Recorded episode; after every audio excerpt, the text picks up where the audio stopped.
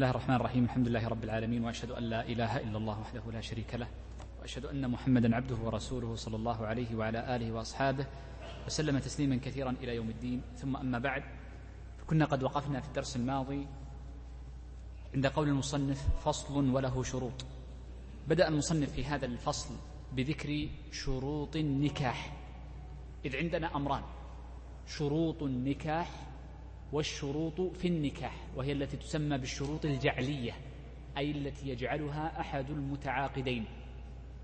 مثل ما قلنا تماما في كتاب البيع عندما قلنا إن البيع فيه شروط له وشروط فيه. فالحديث الذي سيتكلم عنه المصنف في هذا الفصل إنما هو شروط النكاح أي الشروط التي تكون شرطا لصحة عقد النكاح والشروط التي تكون شرطا للزومه. أورد شرطا واحدا من شروط اللزوم وأورد آه، أربعة شروط هي من شروط الصحة. إذا سيتكلم المصنف ابتداء عن شروط الصحة فقال أحدها وقال إنه أحدها ولم يقل أولها لأنهم إذا قالوا أولها فإن هذا يدل على أنه أهم الشروط وآكدها. ولكن إذا قالوا أحدها فيدل على أنه متساو مع الشروط التي بعده ومثله في الأقوال. فإذا قلنا في مسألة إن فيها قولين أحدها إذا لا ترجيح للأول على الثاني لكن قلنا إذا قلنا أولها فهذا يدل على ترجيح الأول. طيب. قال وله شروط أحدها تعيين الزوجين. مسألة تعيين الزوجين بمعنى أنه يعين الزوج فتعرفه الزوجة وتعين الزوجة فيعرفها الزوج فلا بد من تعيين الزوجين معا. والفقهاء دائما رحمهم الله تعالى يتوسعون في تعيين الزوجة أكثر من توسعهم في تعيين الزوج. ولذلك فإن المسائل التي ذكرها المصنف كلها متعلق بتعيين الزوجة. ولكن يجب تعيين الزوج للمرأة يجب أن يعين وأن تعرفه المرأة. ولذلك يقولون كما سيمر معنا بعد قليل إن شاء الله في الإذن أن إذن المرأة من شرطه أن تعرف اسم الذي تقدم لها وسوف يتزوج بها. فإن لم تعرف اسمه فإن إذنها هنا غير صحيح. ما يلزم هذا الإذن لصحة عقد النكاح. إذا المسألة الشرط الأول هو تعيين الزوجين بأن يعرفا. طيب الدليل على أن تعيين الزوجين شرط أننا نقول أن كل عقود التمليك يشترط فيه تعيين العين المملكة. كل شرط فيه تمليك. ونحن نعلم أن عقود أن عقد النكاح هو من عقود التمليك فإنه تمليك لمنفعة كما مر معنا في أول هذا الكتاب. الأمر الثاني أن الفقهاء يقسمون عقود المعاوضات إلى قسمين. عقود معاوضات محضة وهي البيع والشراء والإجارة وغيرها. وعقود معاوضات غير محضة وهي النكاح والخلع. فعقد النكاح هو عقد معاوضة ولكنه غير محض. هذا التفصيل أو هذان العلتان هي التي اختصرها الفقهاء في قولهم وتعيين الزوجين شرط كالبيع لأن عقد النكاح يشبه عقد البيع من جهتين. الجهة الأولى أن فيه تمليكا وإن كان اختلف العين المملكة أو المنفعة المملكة والأمر الثاني بأن فيها معاوضة وإن اختلف هل المعاوضة محضة أم ليست بمحضة. بدأ يتكلم بعد ذلك الشيخ عن صفة التعيين فقال فإن أشار الولي إلى الزوجة هذا أول أمر يتم به تعيين الزوج أو الزوجة ولكن كما قلت قبل قليل أنهم غالبا يذكرون التعيين باعتبار الزوجة لأن أكثر الخطأ والخلاف والمخالفة إنما تقع في الزوجة. إذا الأمر الأول مما يحدث به التعيين هو الإشارة بأن يشير الولي لابد أن يشير الولي لأنه هو الذي يوجب في عقد النكاح. بأن يشير إلى امرأة فيقول زوجتك هذه. وتكون هذه المرأة معلومة لدى الزوج فيعرف من هي هذه المرأة. ولا يشير إلى امرأة مجهولة أو بعيدة لا تعرف. بل لا بد أن تكون هذه الزوجة معروفة كأن يعرف البنتين فيشير إلى الأولى منهما فيقول زوجتك هذه وإن لم يسمها لكنها عرفها ونظر إليها ويعرف هذه المرأة لكي لا تلتبس بغيرها. إذا لا بد الأمر الأول يتم التعيين بالإشارة. الأمر الثاني قال أو سماها وهو التسمية بأن يسميها. فيقول زوجتك فاطمة أو زينب أو رقية أو غير ذلك من الأسماء. فيسميها باسمها الذي تعرف به وتتمايز عن غيرها. بعض الناس يكون له ابنتان بنفس الاسم وهذا موجود عند بعض الناس يسمي ابنتين أو يسمي ولدين باسم واحد محمد ومحمد وصالح وصالح وفاطمة وفاطمة وهكذا. فإن كانت له فاطمتان مثلا بنتان كلها فاطمة فيجب أن يزيد في التسمية ما تتميز به عن أختها.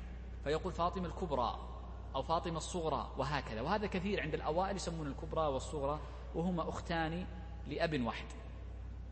قال أو سماها إذن التسمية التي تتميز بها عن غيرها وعرفنا كيف يكون ذلك. قال أو وصفها وهذا هو الأمر الثالث. وصفها بما تتميز به. إذن الأمر الثالث أن يصفها بوصف تتميز به عن غيرها. ليس مطلق الوصف. زوجتك مثلا طويلة الشعر ويكفي لا. لابد أن يكون هذا الوصف يميزها عن غيرها. كأن يقول زوجتك الكبرى من بناتي أو الصغرى أو الوسطى. أو يقول زوجتك الطويلة منهن أو يقول زوجتك آه، البيضاء منهن وهو يعلم أنهن اثنتان مثلا. أو يقول مثلا زوجتك آه، دعجة العينين بيذكر وصفا في العين مثلا أو في لون العين ونحو ذلك تتميز به عن غيرها بشرط أن يكون مميزا. فإن لم يكن هذا الوصف مميزا فإنه حينئذ لا يصح هذا العقد. ولا بد من التعيين في العقد لا بد أن يعين في العقد. ولذلك يحتاط المأذنون سنشير هذه المسألة إن شاء الله إن لم أنسى أنه يقول لابد أن تقول زوجتك ابنتي فاطمة ابنتي رقية ابنتي زينب ابنتي وهكذا من هذه الأسماء التي فيكون يضيف الإضافة لنفسه لأنه ربما كان وليا عن أكثر من ابنه ويسميها باسمها فيكون فيه تعيين ووصف وصف بابنته والتعيين بالاسم أيضا. نعم. يقول الشيخ أو قال زوجتك بنتي. هذا الأمر الرابع وهو أن يكون المرء يقول له زوجتك بنتي وليس له إلا بنت واحدة وله واحدة لا أكثر. ليس له إلا ابنة واحدة فقط فيقول زوجتك بنتي. هذا بمثابة الوصف لأن هذا الولي ليس له إلا ابنة واحدة. حينما يقول زوجتك ابنتي معروف أن هذه البنت هي فلانة بنت فلان. أو يأتي رجل وصي وصي وليس عنده امرأة ولي عليها إلا امرأة واحدة. يقول زوجتك موليتي التي وليت عليها. ما يفي إلا هذه المرأة الوحيدة التي ولي عليها بالوصاية فحينئذ يصح لعدم اختلاطها بغيرها. وهذا أيضا أقول يجب أن نؤكد بشرط أن يكون الزوج في حال التعاقد الإجاب والقبول عالما بهذه المرأة من تكون إما بوصفها أو بنعتها أو باسمها. قال لا أكثر صح. ما معنى قوله لا أكثر؟ هنا بدأ يتكلم عن ما الذي لا يصح ولا يحصل به التعيين. من صور عدم التعيين ما ذكره المصنف هنا. إذا قال رجل لآخر زوجتك ابنتي وله ابنتان فأكثر. فنقول إن هذا العقد باطل. وإن كان قد نوى في نفسه أي الزوج والولي تعيين امرأة بعينها. النية ما تنفع هنا. لا بد من من التعيين النصي لا بد من التعيين النصي فيقول ابنتي فلانة. فلو قال ابنتي وعنده بنتان أو ثلاث فإن هذا لا يصح العقد. ولو كان قد اتفقا قبل ذلك على بنت لا بد من التعيين. وهذا يدلنا على الاحتياط في باب النكاح كما مر معنا في التعاقد فيه كيف يكون. ذكرنا أن المصنف ذكر أربعة أشياء يتحقق بها الاحتياط في تعاقد عقد النكاح من حيث اللغة وغيرها. نعم. يقول المصنف بعد ذلك فصل. بدأ يتكلم في الفصل هذا عن الشرط الثاني من شروط عقد النكاح فقال الثاني رضاهما أي يجب رضا الزوج ورضا الزوجة معا. يجب رضا الزوج والزوجة معا. ولا يستثنى من ذلك إلا المجبور فإن هناك عقود نكاح يكون الزوج مجبر على عقد النكاح كالمجنون والصبي. فيسمى الولاية عليه ولاية إجبار. سيأتي بعد قليل الحديث عنها بالتفصيل. والمرأة تكون مجبورة إذا كانت صغيرة أو كانت بكرا أو كانت فاقدة الأهلية بالجنون. هذا يسمى المجبور المجبور. طيب متى يفقد الرضا؟ يفقد الرضا بالإكراه. فإذا كان المرء عالما بالعقد و و و وأباه ولكن الولي أمضى هذا العقد فإن العقد حينئذ يكون غير صحيح. يكون غير صحيح. فالإكراه مبطن للعقد فلا بد فيه من الرضا. طيب إن لم يرضى الزوجان العقد أو أحدهما لم يكن راضيا بالعقد بأن كان مكرها عليه الزوج أو الزوجة في غير ولاية الإجبار فإن العقد على المذهب ينشأ باطلا ولا يكون موقوفا على الإذن. سيأتي الصورة التي يكون فيها موقوف على الإذن وهي البكر. البكر يبقى لها إذن سيأتي بعد قليل تفصيله. إذا أريد أن نعرف أن هذا الشرط شرط صحة. فإذا افتقد الرضا من الزوج أو من الزوجة وكان ممن يشترط له الرضا أي غير المجبر فإن العقد ينشأ باطلا غير صحيح. ينشأ غير صحيح. ينشأ العقد غير صحيح. فلا بد من تكراره أو إعادته. لا بد من إعادته لو تراضي بعد ذلك. بدأ يتكلم بعد ذلك عن المجبرون من هم من هم المجبرون؟ يعني الذي يمكن أن يجبر على عقد النكاح ولا يشترط رضاه. إما لعدم تصور الرضا منه أو لمعنى شرعي موجود فيه. فقال البالغ المعتوه والمجنون. البالغ المعتوه والمجنون. هذا الأمر الأول. فإن المعتوه والمجنون لا يشترط رضاهما سواء كان زوجا أو زوجة. فيجوز لولي الرجل المجنون وولي المرأة المجنونة أن يزوجه بغير رضاه للمصلحة. وسيأتي بعد قليل إن شاء الله ما هي صور المصلحة وعدمها. لكن لابد أن يكون للمصلحة. إذا ما كان فيه مصلحة على المجنون إذا لم تكن هناك مصلحة للمجنون والمعتوه في هذه الحال فإننا نقول ماذا؟ إن العقد يعني آه، قد يتحمل المؤنة فيها الولي لأن فيه ضررا عليه. لأن المجنون من ماله سينفق المهر وهكذا. قال إلا البالغ المعتوه والمجنون. ما الفرق بين المعتوه والمجنون؟ يقولون إن الفرق بينهما أن المعتوه لا يحسن الكلام ولكنه لا يضرب. إذا فيه وصفان أنه لا يحسن الكلام ولكنه لا يضرب. بينما المجنون قد يحسن الكلام وقد يضرب لكن كلا الاثنين لا يحسن التصرف. إذا الفرق بين المجنون والمعتوه أن المعتوه لا يضرب ولا يحسن الكلام معا فإن كان يضرب أو كان يحسن الكلام أو يفعلهما جميعا يضرب ويحسن الكلام فهو مجنون ولا يسمى معتوه. وذلك بعض كلام المجانين حكمة ولكن المعتوه ليس كلامه حكمة لأنه لا يحسن الكلام. يعني كلامه يدخل بعض يدخل بعضه في بعض. هذا الفرق بين المعتوه والمجنون. أتى المصنف بالمعتوه والمجنون لكي يقول إن الاثنين فيهما مصلحة لهما في الزواج فربما كان راغبا في آه، إنجاب ولد. ربما ينجب ولد من سيقوم بهذا المعتوه بعد وفاة أبيه الكبير في السن؟ فيقول لعله أن يأتيه بولد يقوم به وهذا موجود كثير جدا. وغالبا غالبا الذي يزوج المعتوه أكثر من المجنون هو الذي يزوج. المعتوه لأنه لا يضرب فلذلك أكد عليه المصنف لأنه لا يضرب ولا يؤذي زوجه. فيزوج سواء كان رجلا أو امرأة. قال والصغير أي والصغير لا يشترط رضاه فتكون عليه ولاية إجبار. والمراد بالصغير هو كل من كان دون البلوغ من الذكور. إحنا نتكلم هنا الصغير أي الذكر دون الأنثى. للأنثى سيأتي تفصيلها بعد قليل إن شاء الله. أي الذكر فإنه إذا كان دون سن البلوغ فإنه يجوز إجباره على النكاح إذا كان فيه مصلحة. ما الدليل على ذلك؟ ما ثبت أن ابن عمر رضي الله عنهما زوج ابنا له صغيرا فرفع ذلك إلى زيد رضي الله عنه فأقره. فدل على أن اثنين من الصحابة رضوان الله عليهم أقر أن الولي يجوز له أن يزوج ابنه إذا كان فيه مصلحة. عرفنا قبل قليل كيف تكون المصلحة؟ فقد تكون المصلحة لأجل الولد قد تكون المصلحة لحفظ ماله قد تكون المصلحة لحفظ صحته. فربما الولد يحتاج إلى من يخدمه ولا ليس عنده خادم فقد يزوج امرأة لتقوم بتنظيفه تقوم برعايته تقوم بالإحسان إليه. أنت عندما تتكلم في الفقه لا تتكلم عن مجتمع تعيشه فحسب وإنما تكلم عن مجتمع واسع مر عليه الآن أكثر من أربعة عشر قرنا بعد وفاة النبي صلى الله عليه وسلم. واختلفت فيه الأمصار فتختلف الأمصار والأنظار في قضية المصلحة وتقديرها. ولكن نقول إذا وجدت المصلحة.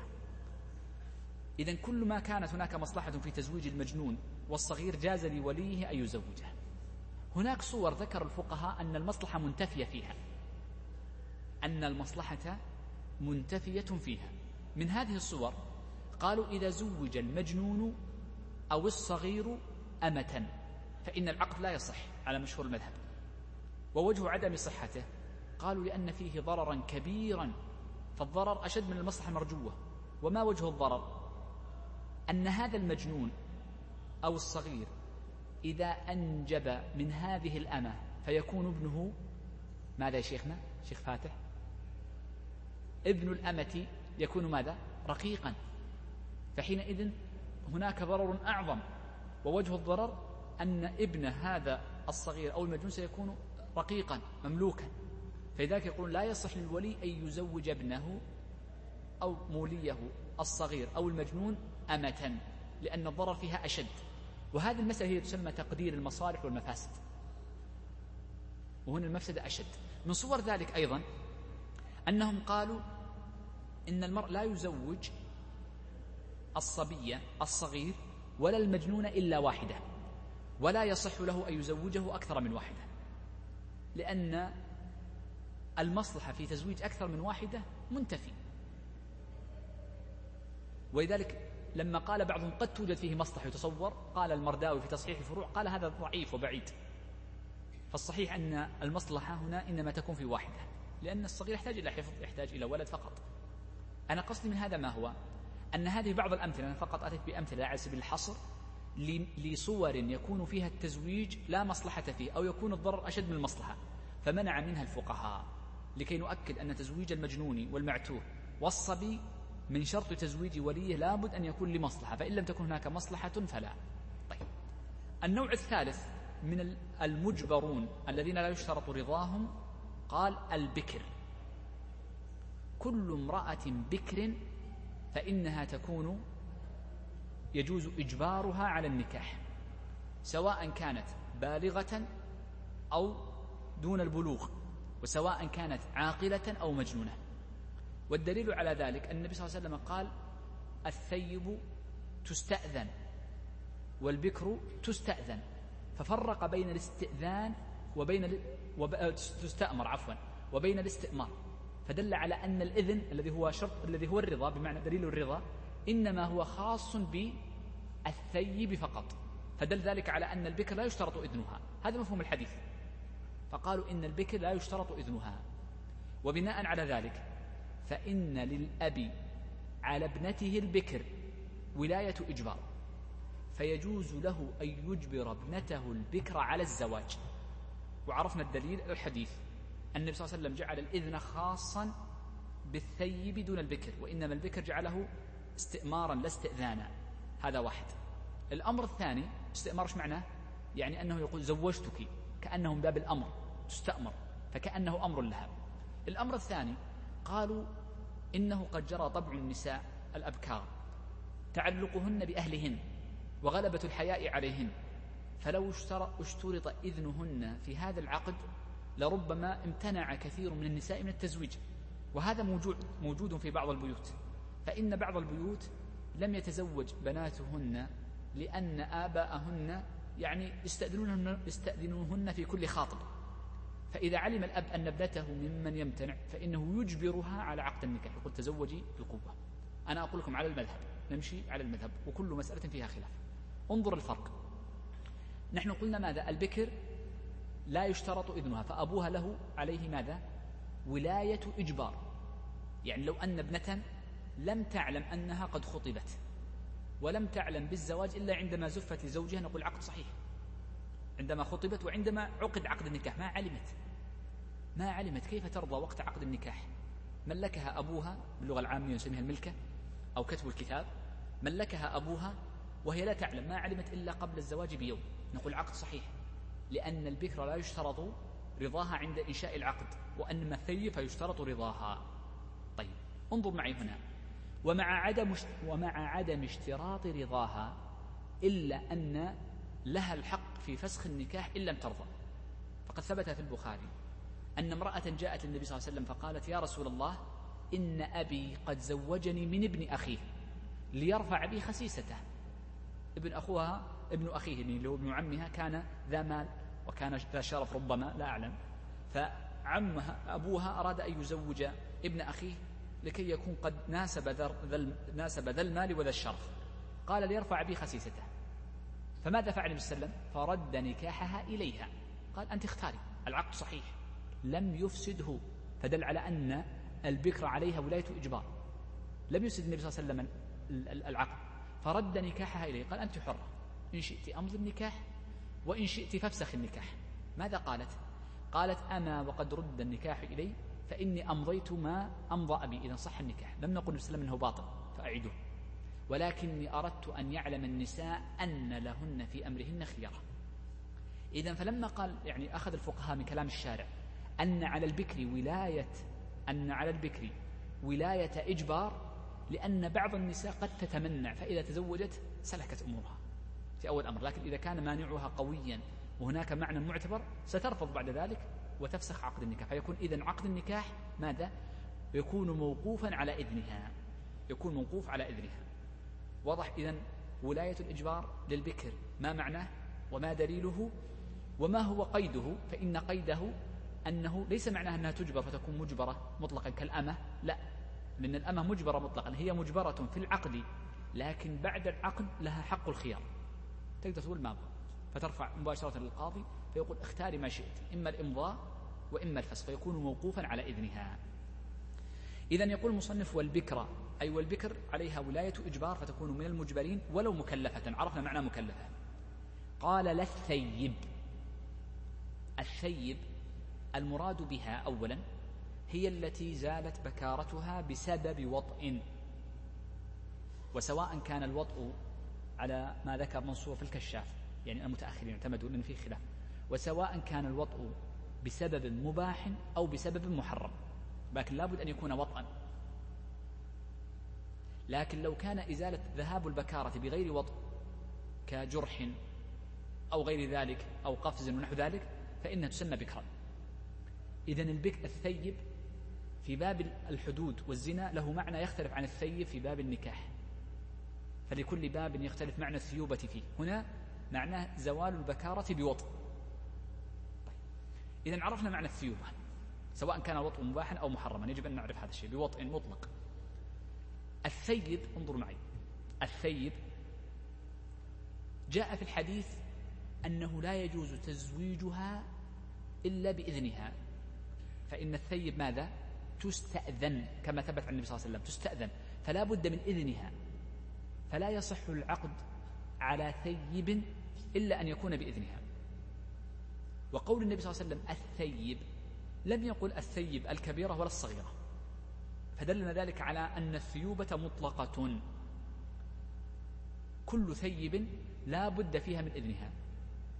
من حين تبلغ تسع سنين فأكثر. إذا فقول المصنف لا الثيب. نقول كل ثيب بلغت تسع سنين فأكثر. سنين ماذا؟ عندنا قاعدة. كل سنة ماذا؟ قمرية أم شمسية؟ قمرية.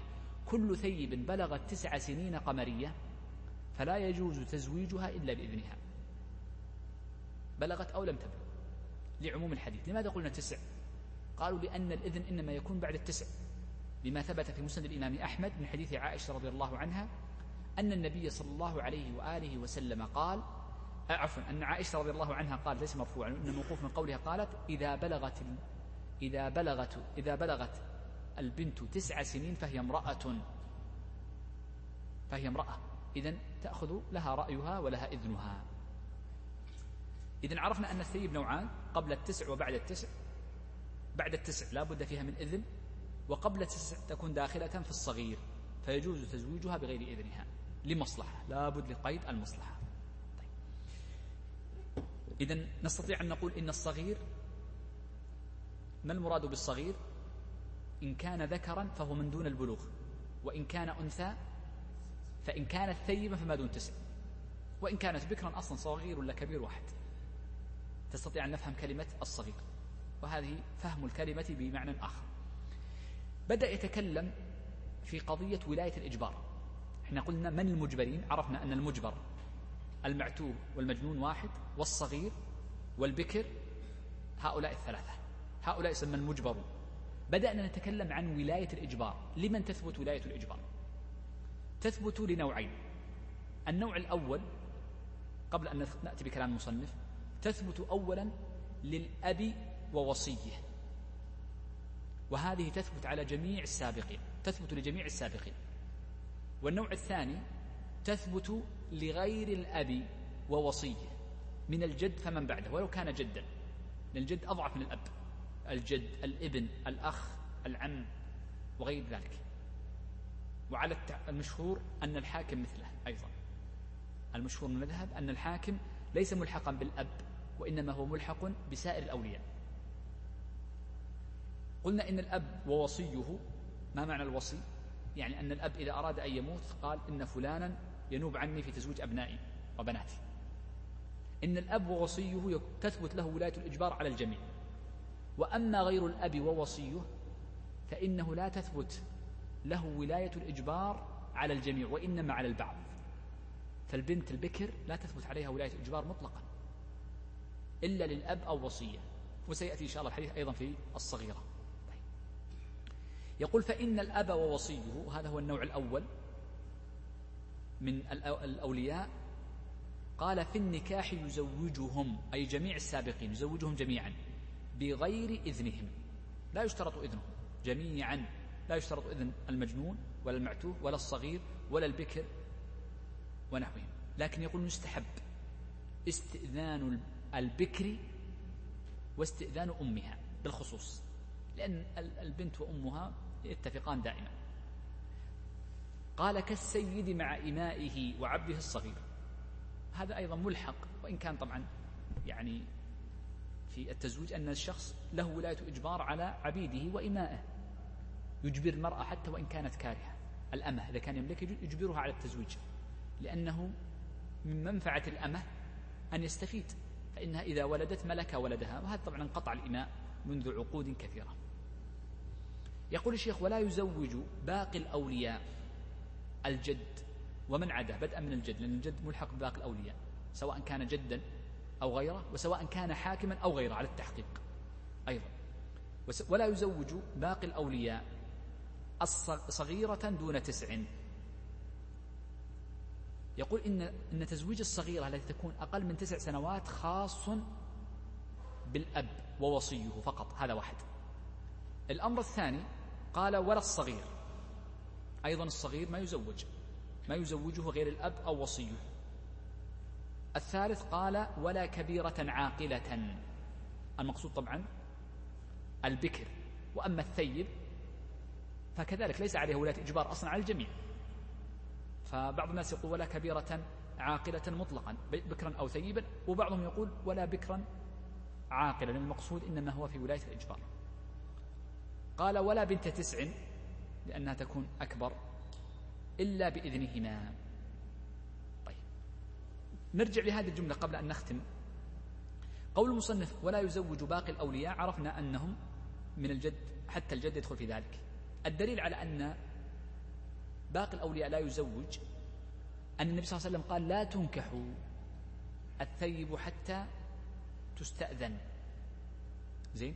فقوله لا تنكح عفوا نستدل بالحديث الثاني لا تنكح الأيم. لا تنكح في اللفظ الآخر لا تنكح الأيم حتى تستأذن. فهذا الحديث يدل على أن الأصل أن المرأة لا تزوج إلا بإذنها. وإنما استأذن وإنما استثنينا البكر للدليل الذي سبق. واستثنينا الصغير للدليل سبق وهو فعل ابن عمر وإقرار زيد له والمجنون ملحق به بالصبي.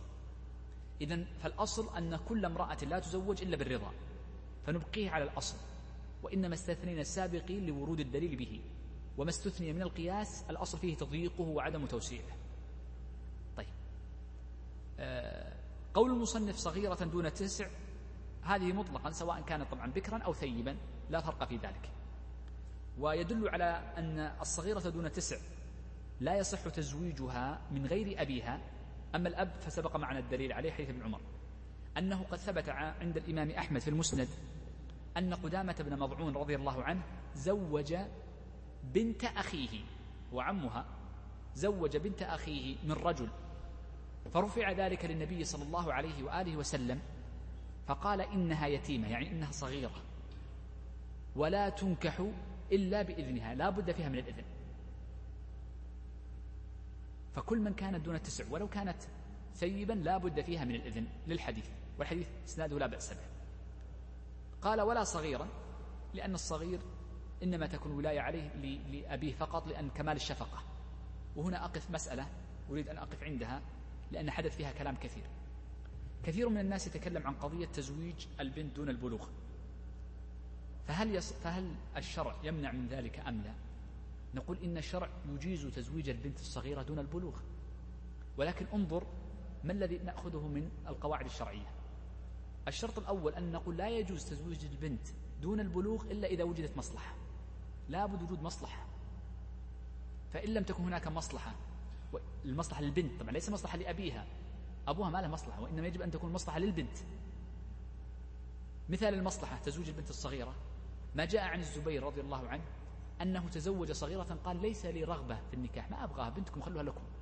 ولكني أنا رجل كبير أريدها أن ترث مني أريد أن تأخذ من الميراث. فلكي تأخذ يريد أن يكرمها ويكرم أهلها لأنها من بيت كريم.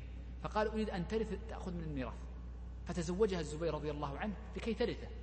وقد خلف الزبير أموالا طائلة رضي الله عنه مع أنه يعني كانت أمواله إنما هي في يعني لها قصة طويلة جدا. ذكرها ابن حجر فتح الباري فراجعوها. فالمقصود أن هذا من الأغراض الصحيحة وهي أن البنت تورث. إذا الشرط الأول لابد أن يكون هناك مصلحة. الشرط الثاني أنه لا يجوز لأحد أن يزوجها إلا أن يكون ماذا؟ أباها. لابد أن يكون أبوها أن يكون المزوج الولي هو الأب. الجد لا يزوج الأخ لا يزوج ابن الأخ لا يزوج العم إنما يزوج الأب. ونحن نعلم أن الأب عنده من كمال الشفقة. ومن كمال العطف على بنته ما لا يوجد عند غيرها من الأولياء فيكون أب أو وصيه. الأمر الثالث أننا نقول إذا زوجت البنت الصغيرة دون البلوغ فلا تمكن ما يجوز التمكين تبقى في بيت أبيها ويصرف عليها زوجها. يعطيها راتب شهري أو يومي أو أسبوعي للنفقة يومية على المذهب فيعطيها رات النفقة ولا تذهب له في البيت.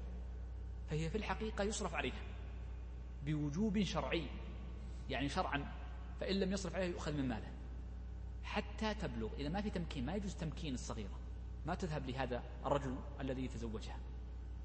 الأمر الرابع أنها إذا بلغت أصبح لها خيار الفسخ. لها حق الخيار الفسخ تقول لا أريد الرجل ما أبغاه فينفسخ عقد النكاح. إذا تزويج الصغيرة ليس فيه من القسوة ولا البشاعة ولا ما يمثله بعض الناس من هذه الأمور. بل الشرع جعل له قيود ولكن كثيرا من الناس لا يعرف الحدود الشرعية فيرى في ذلك من الغلظة فيما يظن ويحاول أن يصادم النصوص الشرعية والأحكام الشرعية بما يظنه أو بما وقع في ذهنه من الوهم. إذن هذه أربعة قيود مهمة جدا. إذا. إذا تحققت ووجدت وهي أحكام واجبة في الشرع نجد أنه لا ظلم على هذه البنت الصغيرة في التزويج. ولذلك عمر رضي الله عنه تزوج أم كلثوم وهي صغيرة. بنت علي بن أبي طالب وفاطمة رضي الله عنها. قال أنا ليس لي غرض ما أبغى ما أبغى الزوج تبقى عندكم وأصرف عليها. وإنما أريد المصلحة لي أنا عمر ما هي؟ أنني سمعت النبي صلى الله عليه وسلم يقول كل نسب يوم القيامة, يوم القيامة منقطع إلا نسب. فأريد أن يكون بيني وبين النبي صلى الله عليه وسلم نسب زوجته بنتي وأريد أن آخذ أحدا من صلبه. فيكون النسب أقوى لكي أكون كما صحبته في الدنيا أصحبه في الآخرة. وهذا يعني ديانة. وأما بنتكم فهي لكم يقول أنا كبير سنة بموت وأريد أن أصرف عليها وتبقى تأخذ النفقة مني لكم مال وترثني بعد ذلك. إذا فعل عمر رضي الله عنه من كمال الشفقة بهذه المرأة. ما حد يقول أنها مطلقة الزمن الأول اختلفت أنظار الناس من وقت إلى آخر. طيب. نعم يقول الشيخ رحمه الله تعالى ولا بنت تسع إلا بإذنها. هذه مسألة مهمة. ما المراد بالإذن ومن يقوم بالإذن؟ أول شيء كيف يكون إذن من لا ولاية إجبار عليها؟ لا ولاية إجبار عليها. قالوا لا بد أن يكون الإذن بالكلام. لا بد أن يكون الإذن بالكلام إن كانت ثيبا وإن كانت بكرا ولا ولاية إجبار عليها كأن يزوجها أخوها مثلا فلا بد أن يكون الإذن بالصمات سنتكلم عن إذن البكر بعد قليل بالتفصيل إذن إذن لا بد أن يكون الإذن أول مسألة معنا لا بد أن يكون الإذن بالكلام. إلا البكرة مستثناة فإن إذنها يكون بالصمات سنتكلم عنه بعد قليل. هذه المسألة الأولى. الأمر الثاني أنه لا يصح الإذن إلا بمعرفة الزوج. يجب أن يعرف الزوج. فتقول المرأة فيأتيها من يستأذنها فيقول جاء زيد أو عمرو فتقول أذنت أو قبلت. بأي صيغة؟ من صور الإذن. هذه المسألة الثانية. المسألة الثالثة من الذي يستأذنها؟ نقول يستأذنها الولي أو يرسل إليها نساء ثقات. نساء ثقات. والأفضل أن تكون أمها. فيرسل أمها لتستأذنها. لأن الأم دائما يعني تكون ألطف ببنتها وأرأف. لكن بعض الأمهات لا ترسل. لأن بعض الأمهات ربما يعني تكون لا تريد لابنتها الزواج وهذا موجود موجود. ومن عرف أروقة المحاكم نظر أو مر على أروقة المحاكم يعرف هذا الشيء. بعض النساء تكون فيها لا أدري مرض فتمتنع, فتمنع بناتها من الزواج. فيقبل الإذن إما بسماع الولي أو بماذا؟ بإرسال النساء الثقات. طبعا العبرة بالإذن للولي ليس للمأذون. المأذون هذا من باب الاحتياط والتوثيق الرسمي. وليس للزوج مجرد أن أن الولي يعلم بإذنها إذا صح عقد النكاح. طيب. آه، قول المصنف ولا بنت تسع عرفنا الدليل طبعا حديث عائشة رضي الله عنها قبل قليل. قال وهو صمات البكر ونطق الثيب. إذا الثيب لا بد أن تتكلم والبكر يكون بالصمات وهو السكوت. لأن جاء في الحديث وإذنها صماتها أي, أي يعني سكوتها أي سكوتها. عندنا هنا مسألة أخرى. أنهم يقولون قد يكون الإذن بالكلام. فإن تكلمت البكر فهو أقوى. لو قالت نعم أريده أو قالت لا لا أريده. لا شك أنه أقوى. ولا يلزم الصمات. هذا واحد. الأمر الثاني أنهم تكلموا عن البكاء والضحك. هل يكون الضحك والبكاء علامة على رضا البكر أم لا؟ الفقهاء يقولون هما. الضحك والبكاء علامة ورووا في ذلك حديثا وإن كان في إسناد ما قال. ولكن التحقيق أن هذا عائد لأعراف الناس. وحال. فأحيانا قد يكون البكاء علامة للإذن. فبعض النساء بعض إذا بكت معناها أنها راضية. وبعض النساء إذا ضحكت إذا ضحكت فإنه يكون علامة رضا. وأحيانا قد يكون البكاء علامة عدم رضا. فلا نطلق أن البكاء دائما رضا أو عدمه. إذا العبرة في علامة الرضا العرف. هذا هو الأدق. الصمات وهو علامة العرف. ولذلك جاء أن عائشة يعني أو بعض النساء أظنها عائشة نسيت الآن كانت إذا أرادت أن تستأذن امرأة بكرا أو كان بعض الصحابة إذا أراد أن يستأذن امرأة بكرا في في في نكاح إذا ضربت الخباء فمعناها أنها راضية. وإن لم تضرب الخباء يعني جاءك فلان لينكحك. ضربت الخباء طقت ولو ضربة خلاص. معناها موافقين. لم تضرب الخباء إذن معناها عدم رضا إذن قد تكون هناك أعراف معينة أو يعني حالات تختلف. يقول الشيخ فصل بدأ يتكلم عن الشرط الثالث وهو الولي. والولي جاء عن النبي صلى الله عليه وسلم أحاديث كثيرة جدا كما عند أهل السنة وغيرهم أنه قال لا نكاح إلا بولي.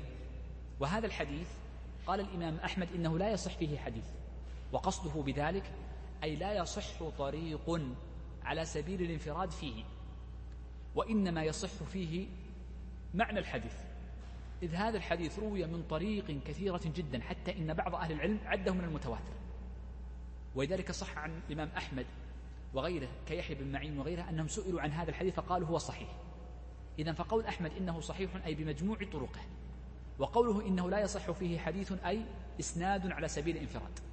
وهذا مراد الإمام أحمد وهو من أعلم الناس بالعلل في الأحاديث. ولذلك قال الإمام الشافعي رحمه الله تعالى لأحمد أنت أبصر مني في الحديث فإذا صح عندك الحديث فأخبرني أو فآذني به لأعمل فدل على أن أحمد من أوسع الناس علما بالحديث وقد صح هذا الحديث. قال الولي وعرفنا أن دليله قبل قليل. قال وشروطه أي وشروط الولي عد المصنف هنا سبعة شروط أو ستة. الشرط الأول هو التكليف. والتكليف يشمل شرطين. يشمل البلوغ والعقل. فإن جعلته شرطين أصبح شروط الولي سبعة كما مشى عليه صاحب الروف وإن ذكرت التكليف شرطا واحدا فهي ستة. لأن بعض الإخوان ينظر صاحب الروض يقول هي سبعة. أين السابع؟ هو التكليف مقسوم إلى شرطين. نص على ذلك جماعة منهم الخلوتي فإنه لما عد السبعة عدهما شرطين. إذن المراد بالتكليف البلوغ فلا بد أن يكون الولي بالغا وأن يكون عاقلا. لأن من كان فاقدا لأحد أحد هذين الأمرين فإنه يحتاج إلى ولي عليه فلا يكون وليا على غيره. تصرفه لنفسه غير صحيح فمن باب أولى تصرفه لغيره. قال والذكورية لا بد أن يكون الولي ذكرا ولا يجوز للمرأة أن تكون ولية في عقد نكاح مطلقا أبدا. قال والحرية فلا بد أن يكون حر حرا لا قنا لأن القن لا يملك نفسه. فكيف يملك أن يزوج غيره؟ ولو كانت ابنة له. فلا يعني يملك القن ذلك. استثنى من ذلك صورة واحدة قالوا المكاتب. يجوز له أن يزوج أمته وذلك أن المكاتب تتبعض بعض أحكامه. وهذه مبنية على قاعدة عندنا مسألة تبعيض الأحكام. قال والرشد في العقد. هذه مسألة يعني وقع فيها خطأ من بعض أهل العلم. بعض الشراح وهو شارح المحرر لما جاء لشرط الرشد قال والرشد وهو ضد السفه. وهذا خطأ. ليس المراد بالرشد ضد السفه. فإن الرشد في باب النكاح يختلف عنه في باب البيع. الرشد في باب النكاح يختلف عنه في باب البيع. وما المراد بالرشد في باب النكاح؟ أمران. الأمر الأول أن يعرف المصلحة في النكاح. ما هي المصلحة؟ والأمر الثاني أن يعرف الكفاءة. يعرف الكفء من غيره. وهذان القيدان ذكرهما الشيخ تقي الدين بن تيمية.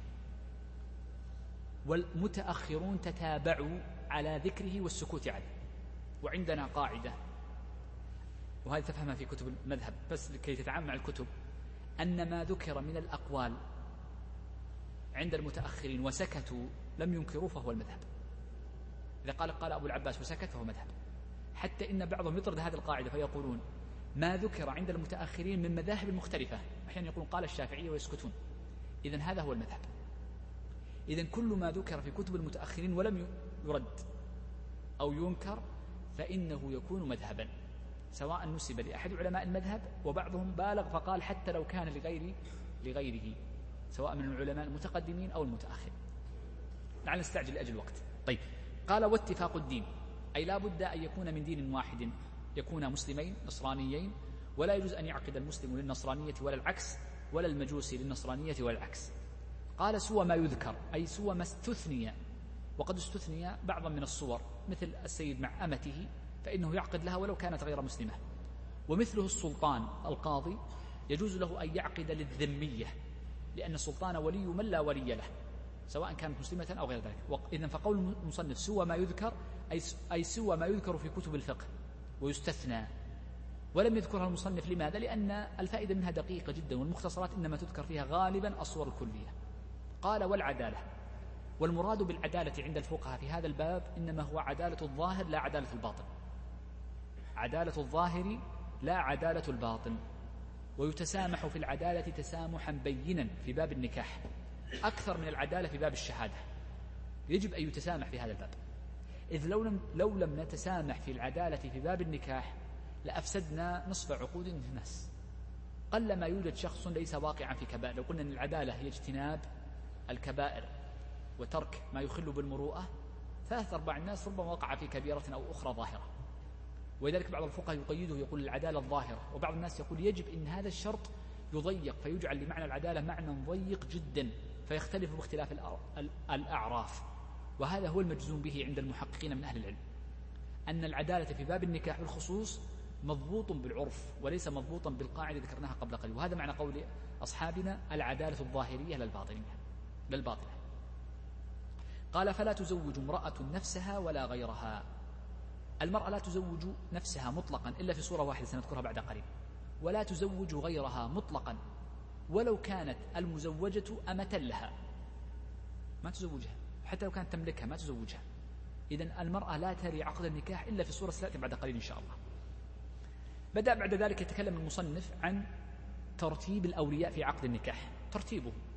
فقال ويقدم في الأولياء أبو المرأة أي الأب المباشر. فقال ويقدم أبو المرأة في إنكاحها أبوها التي هي من صلبه ثم وصيه فيه أي ثم وصيه في النكاح. يعني معنى الوصي مر معنا أن الأب يكتب وصية فيقول وصي على تزويج بناتي ليس لك حق أن توصي إلا على تزويج بناتك دون أخواتك. وصي على تزويج بنات زيد. وزيد ربما يكون قريب وقد يكون غريب أجنبي عنهم ليس من الأسرة ليس من من المحارم فيكون أجنبيا عنهم. قد يكون إمام المسجد قد يكون شخص ليس منهم مطلقا. الوصي هنا يكون أولى من باقي الأولياء. ونحن قلنا إن الوصية ثلاث أشياء أو أو الإيصاء. الإيصاء شيئان الإيصاء بالمال والإيصاء بالتزويج. والإيصاء أيضا بتصريف الثلث. متى يصير المرء الإيصاء؟ إذا كان أولياء البنات يعني لا يثق بهن. أعمامهن مثلا يرى أنهم بعيدون ينشغلون عنهم وقد يأتيها الكفء وذاك بعيد. فحينئذ قال أجعل الوصي ليتزوج بناتي بسرعة وهكذا. قال ثم وصيه فيه. ثم جدها أي جد هذه المرأة التي تريد الزواج لأب. أما الجد لأم فإنه لا يزوج. ولذلك يقول ابن هبيرة أجمع أهل العلم أن الولاية في النكاح في العصبات فقط. من لم يكن عصبة لا يزوج. هذا بإجماع أهل العلم. والجد لأم والخال لا يزوجون. الأخ لأم عصب ليسوا عصبة فلا يزوجون. إذا قال جدها لأب وإن على يعني جد أبي الأبي جد أبي أبي الأبي وهكذا. وغالبا يعني ما يتصور أكثر من جدين أو ثلاثة. وهنا نكتة ذكر بعض الفقهاء أن الفقهاء عندما يقولون الجد العاشر مع عدم إمكان تصوره عدم إمكان تصوره إنما يريدون ذلك من باب تنشيط الذهن فقط لا من باب الحقيقة. قال ثم ابنها أي ابن هذه المرأة. لما جاء من حديث أم سلمة رضي الله عنها لما أراد النبي صلى الله عليه وسلم أن يتزوجها قالت ليس أحد من الأولياء حاضر.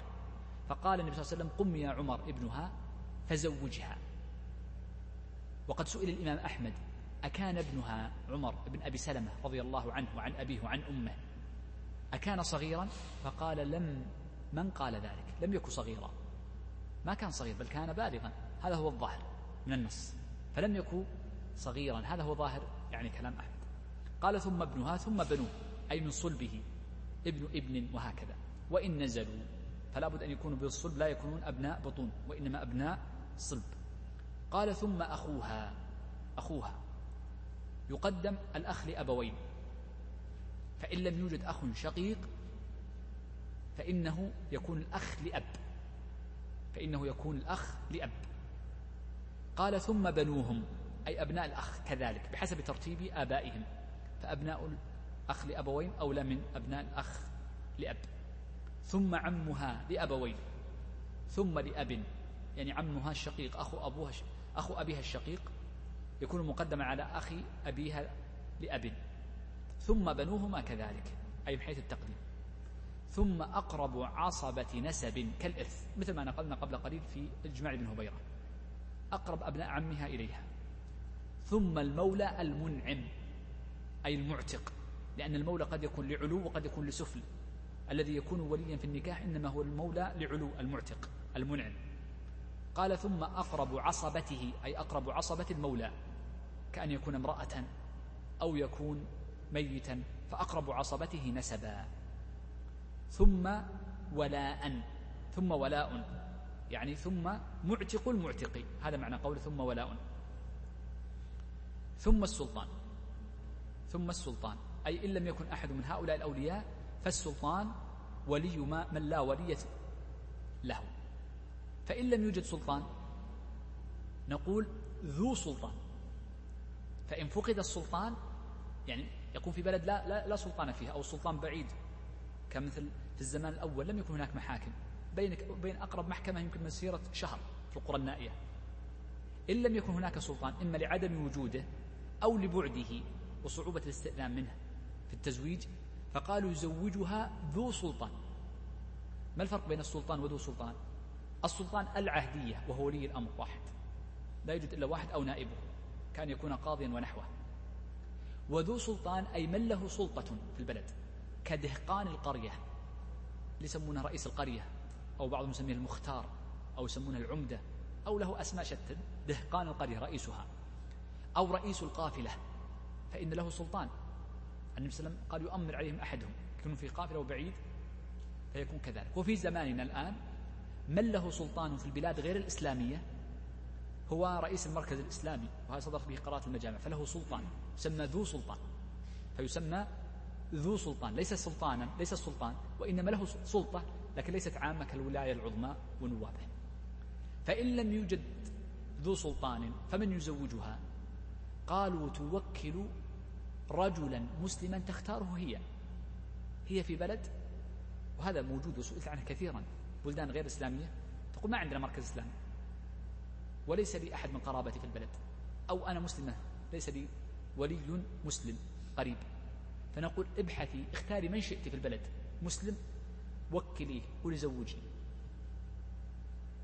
فتختار من شاءت من الرجال. فإن لم يكن هناك رجل وجدت هذه وسئلت عنها. هي في بلد لا يوجد فيه مسلم إلا رجل واحد وهذا الرجل يريد أن يتزوجها. كيف تتزوج؟ لا يوجد ولي بالترتيب السابق ولا يوجد سلطان ولا ذو سلطان ولا مسلم توكله هي. من يزوجها؟ تزوج نفسها فهي نادرة جدا. وهذه المسألة كنت أعجب أن فقهاءنا يتكلمون عنها. يقول قلت هل يمكن هذا الشيء؟ وسئلت عنها من بلدتين. سئلت عنها من ناس في روسيا وسئلت عنها دولة في شرق أوروبا نسيت اسمها. بلدتين حدث هذا الشيء. امرأة في بلد تقول لا يريد إلا أنا وهذا الرجل المسلم بيننا وبين أقرب مسلم ولا نعرفهم مناطق بعيدة جدا وهي مسافة القصر كما سيأتي. نقول زوجي نفسك يجوز في هذه الحال ما في من توكل؟ توكل ما, يتولى الرجل طرفي العقد يا شيخ هذه من الصورة يجوز فيها توكيل طرفي العقد إحنا تكلمنا عن قاعدة متى يتولى طرف العقد ومتى لا يتولى. فمما لا يصح تولي طرف العقد مسألة النكاح إلا في صورة واحدة ومسألة ما يشترط فيه قبض المال مثل الصرف وغيره ما في تولي طرف العقد. حالة البكر شلون؟ إنها تزوج نفسها؟ لا ليس البكر. امرأة ليس لها ولي في الدنيا ليس لها أخ. حديثة عهد بإسلام. سواء بكر أو ثيب سواء لا فرق. حديثة عهد بإسلام ما لها قرابات. البلدة التي فيها ليست بلدة إسلامية. لو كانت بلد مسلمين هذا هناك سلطان بلد إسلامي ولا يوجد ذو سلطان ما في مركز إسلامي. ولا يوجد في هذه البلدة مسلم وليس قريبا منها مسلم. ما في أي مسلم. وتخشى على نفسها تزوج نفسها. هذه الصورة الوحيدة هي نادرة جدا جدا جدا جدا جدا لكنها توجد. يقول الشيخ رحمه الله تعالى فإن عضل الأقرب. بدأ يتكلم عن قضية فائدة الترتيب اللي ذكرناه قبل قليل وهي قضية إذا وجد الأول متى ننتقل للثاني؟ إذا فقد الثاني متى ننتقل للبعدة؟ الأمر الأول نقول إنه ينتقل إذا فقد الأول بموته وهذا لم يذكره المصنف لأنه واضح جدا فإذا مات الأول انتقلت الولاية للثاني والثالث والرابع وهكذا بالترتيب. من أسباب انتقال الولاية من الأب إلى الجد مثلا وهو الثاني ما ذكر هنا قال إذا عضل الأقرب. إيش معنى العضل؟ يجب أن نعرف معنى العضل.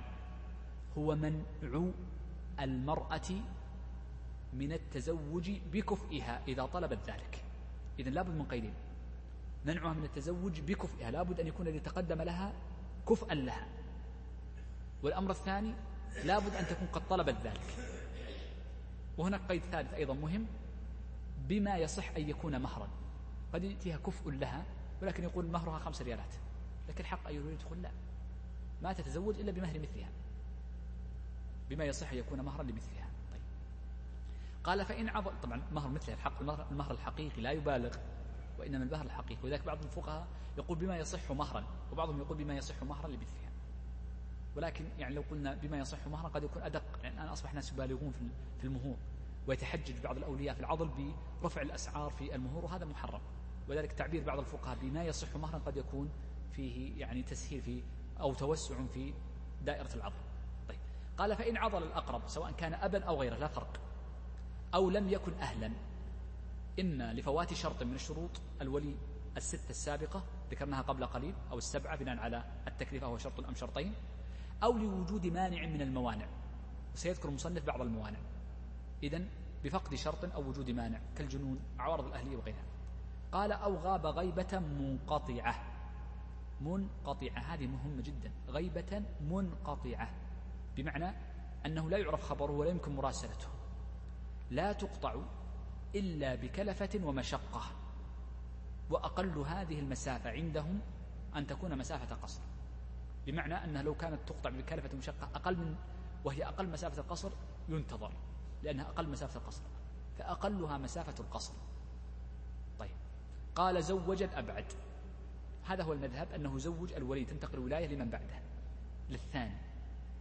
وهناك رواية مشى عليها بعض المتأخرين مثل يعني ظاهر ما في كلام الشويكي وغيره أنه يزوجها الحاكم والذي عليه العمل عند كثير من القضاة بل أكثرهم أنه عند العضل يزوجها الحاكم. ولا يزوجها الولي الأبعد. لأن الولي الأبعد أحيانا قد يقول لا أريد أن أزوجها ما بمشاكل مع الولي أخوها يقول ما أبغى مثلا ابن عمها يقول لا أبغى مشاكل مع أخيها. فيزوجها الحاكم مباشرة وهذا هو الذي عليه العمل عندنا. فترفع المرأة للمحكمة دعوى عضل وتثبت العضل بأنه قد جاءها كفؤها وأنه وأنها هي راغبة بالنكاح بشروطه الكاملة فيحضر القاضي الولي زوجها إن أبدى عذرا في نفي الكفاءة ونحوها قبل فإن لم يبدي عذرا يحكم القاضي بفسخ ولايته ويزوجها القاضي مباشرة ولا ولا يستدعي الولي الثاني إلا إذا أبدى رغبة الولي الثاني قال أنا مستعد أن أحضر فهنا يتساهل فيه. لكن المذهب أنه يزوجها الثاني.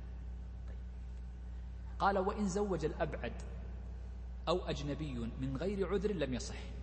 يقول إن زوج الجد مع حضور الأب أو ابن العم مع حضور الأخ أو زوج أجنبي ليس من الأولياء ليس ولي مثل زوجها أخوها لأمها. زوجها أخوها لأمها. الأخ لأم والخال ليس وليا أبدا أجنبي. هنا أجنبي يسمى. خالها من محارمها نقول هنا أجنبي يسمى لأنه ليس من أولياء في التزويج. أو زوجها أجنبي أي من غير الأولياء من غير عذر. ما العذر؟ يزوجها الأبعد إذا وجد شر إذا انتفى شرط أو وجد مانع كالغيبة ونحوها. والأجنبي يزوجها إذا فقد الأولياء مطلقا ولا سلطان ولا ذو سلطان فيزوجها الأجنبي إذا وكلته. قال لم يصح عقد النكاح. النكاح باطل. ولا يجوز لها أن تمكن من نفسها. وإن أنجبت ولدا وهي عالمة وزوجها عالم بأن هذا الولي الذي زوجها ليس له الأهلية وليس هو المستحق للولاية فالولد ولد زنا. لأن النكاح نكاح باطل. نكاح باطل لكن بشرط أن تكون هي والزوج عالمان بالحكم. وهنا عند هذا الموضع يتكلم الفقهاء عن قضية الزواج المختلف فيه والمجهول حكمه. بقي عندنا هنا مسألة نسيتها وهي مسألة إذا وجد وليان في درجة واحدة فأيهما الأولى بالتزويج؟ يعني وجد أخوان شقيقان أو ثلاثة أو أربعة أو وجد عمان نفس الدرجة شقيقان فأيهما الذي يزوج؟ نقول المرأة على المذهب تختار من شاءت. اختاري من شئت ولكن يستحب أن يقدم الأسن والأدين ولكن لا نقول دائما الأخ الأكبر هو اللي يزوج. تختار المرأة هي من شاءت من الأولياء فيزوجها. هذا هو المذهب. يقول الشيخ فصل بدأ يتكلم عن الشرط الرابع. قال الرابع الشهادة. والمراد بالشهادة أي الشهادة على العقد. الشهادة على العقد. وما المراد بالعقد؟ الإجابة والقبول. إذا يجب أن يكون الشهود حاضر يجب أن يكون الشهود حاضرين للتلفظ لأن عقد النكاح لا, لا, لا يثبت إلا بالتلفظ. لابد أن يكونوا حاضرين للتلفظ بعقد النكاح. زوجتك قبلت زوجتك ابنتي زينب قبلت هذا الزواج. فلا بد أن فلا بد أن يكونوا حاضرين للعقد والعقد هو التلفظ. لا يكفي أن يكونوا حاضرين للتوقيع على العقد ما يكفي. لا لابد أن يكون زوجتك وقبلت يحضره اثنان على الأقل. فإن لم يحضره اثنان فالعقد باطل. ما الدليل على أن الشهود شرط؟ أنه قد جاء عند دار قطني النبي صلى الله عليه وسلم قال لا نكاح إلا بولي وشاهدي عدل. فاشترط الشهادة. والشهادة طبعا لم يرد حديث فيها صحيح بذاته لكن هناك عمومات. وقد جاء عند الترمذي من حديث ابن عباس النبي صلى الله عليه وسلم قال البغي هي التي تزوج نفسها من غير بينة. وثبت أن عمر وعلي وابن عباس وعدد كبير من الصحابة اشترطوا الشهود في النكاح وهذا بمثابة الإجماع فدل على أن الشهود يعني يجب وجودهم في عقد النكاح يجب حضورهم العقد يجب حضورهم العقد هذا هو المذهب. طيب قال آه، طبعا آه، عندنا إحنا أنا قلت قبل قليل أن الشهادة تكون على ماذا؟ على العقد. طيب أما الشهادة على الإذن فليست واجبة. يعني ما يلزم أن الأولياء يشهدون أن أن هذه المرأة أذنت بالزواج. لأن الإذن فقط يكفي أن يعلم به الولي. لا يشترط شهادتهم على الإذن ولا يشترط شهادتهم على مقدار المهر وإنما يكفي شهادتهم بالذي هو واجب الشرط على الإجاب سمعوا أنه قال زوجتك والثاني قال قبلت. يقول الشيخ فلا يصح أي عقد النكاح إلا بشاهدين عدلين وسبق معنا ما معنى العدالة؟ لابد أن يكون عدالة ظاهرية وأنها تختلف باختلاف الأمصار والأزمان والبلدان وغير ذلك. قال ذكرين لأن هذه ليست من الأموال إنما يقبل شهادة النساء في الأموال فقط وهذا ليست من شهادة الأموال وإنما هي من الأبضاع. مكلفين يعني حال الأداء حال التحمل وحال الأداء فإنه حال التحمل لابد أن يكونوا مكلفين بالغين غيرها من الحقوق المالية يجوز التحمل قبل البلوغ. لكن هنا لابد أن يكونوا يعني آه، حال التحمل مكلفين. سميعين. لماذا قلنا سميعين؟ لأن عقد النكاح ما ينعقد إلا بالكلام. فلا بد أن يسمعوا ما ينعقد بالإشارة ولا بالكتابة. فلا بد أن يسمع الشهود لفظ زوجتك والثاني يقول قبلت وهو الزوج. ناطقين لا بد أن يكونوا يتكلمون. لأنه عند الأداء عند التحمل يسمعون وعند الأداء لا بد أن يتكلم بما سمع. لأن قد يقول أعطيتك ابنتي أعطيتك ليست لفظة نكاح ما ينعقد بها النكاح. لا بد أن يقول زوجتك أو أنكحتك لا ينعقد عقد النكاح إلا بالتزويج أو النكاح وبالعربية. فلا بد أن يكون ناطق عندما يختلفون هل زوجه أم لا؟ نقول ما الذي قال؟ نسأل الشهود من العبارة التي قالها؟ قال زوجتك. فلا بد أن يتكلم الشهود. بدأ بذلك نكون انتهينا بحمد الله عز وجل من شروط آه، شروط عقد النكاح وهي شروط الصحة. ننتقل بعد ذلك لشرط ذكره المصنف. ليس شرط صحة وإنما هو شرط لزوم. شرط لزوم. مثل ما قلنا في الهبة أن من شرط لزومها ماذا؟ القبض. هنا عقد النكاح له شرط لزوم لكنه ليس شرط صحة وهو الكفاءة. ولذلك يقول المصنف وليست الكفاءة شرطا في صحته. عرف الكفاءة بين قوسين ثم رجع فقال ليست الكفاءة شرطا في صحته لكنها شرط في لزومه. ما معنى شرط في لزومه؟ يعني لو أن امرأ زوج امرأة يعني ولي لو أن وليا زوج امرأة من ليس كفءا لها جاز لها ولمن له الحق أن يفسخ النكاح. يفسخ النكاح. كما سيأتي بعد قليل كيف يفسخ. طيب لكن العقد صحيح. ولو تأخر لأن الخيار هنا على التراخي لو تأخر فيه وثبت به حمل وأنجبت الولد ينسب بأبيه لأن العقد صحيح ويثبت به المهر إلى آخر الأحكام. بدأ أول شيء يتكلم المصنف عن إحنا تكلمنا عن أول مسألة وهي هل النكاح شرط؟ نقول لا ليست شرطا في الصحة وإنما هي شرط للزوم على المذهب شرط للزوم عقد النكاح. طيب عندنا المسألة الأولى ما هي ما هي الكفاءة؟ يقول المصنف وهي أي الكفاءة دين ومنصب أمران الدين والمنصب. والمراد بالدين أنه لا يزوج يعني الفاسق لغير الفاسقة وهو العدل والعكس. ولذلك قال الله عز وجل الزاني لا ينكح إلا زانية أو مشركة والمشركة لا ينكحها إلا زان أو مشرك وحرم ذلك على المؤمنين. وهذه الآية قال ابن عربي أبو بكر بن عربي في التفسير أحكام القرآن هي أشكل آية في كتاب الله. مشكلة من الآيات المشكلة في كتاب الله لأنه أتي في هذه الآية بالإنكاح تارة بلفظ الزواج اللي هو, اللي هو العقد وتارة بمعنى الوطن ولذلك كان فيها إشكال في تفسيرها. ولكن دلالتها واضحة أنه لا يجوز المرء أن يتزوج امرأة ليست كفءا له في الديانة بأن تكون فاجرة أو قليلة الديانة لا تصلي وغير ذلك. إذن هذا معنى الدين. الثاني المنصب والمراد بالمنصب أمرين كما ذكر المصنف النسب والحرية. النسب والحرية. والمراد بالنسب إما العربية والأعجمية. فالعربي مع الأعجمية إذا تزوج العقد صحيح لكن يجوز فسخه بعد ذلك إذا اكتشف عدم ذلك. وقد جاء من حديث عمر رضي الله عنه عند الدار قطني وقيله عند الدار قطني وغيره أنه قال لأمنعن لقد هممت أن أمنع فروج الحرائر ذوات الأحساب إلا من الأكفاء ذوات الأحساب. والمراد بالحسب العربية. والمعنى في ذلك ما هو؟ أن العرب يبقى على بقاء على على على على يعني طبيعتهم وسجيتهم.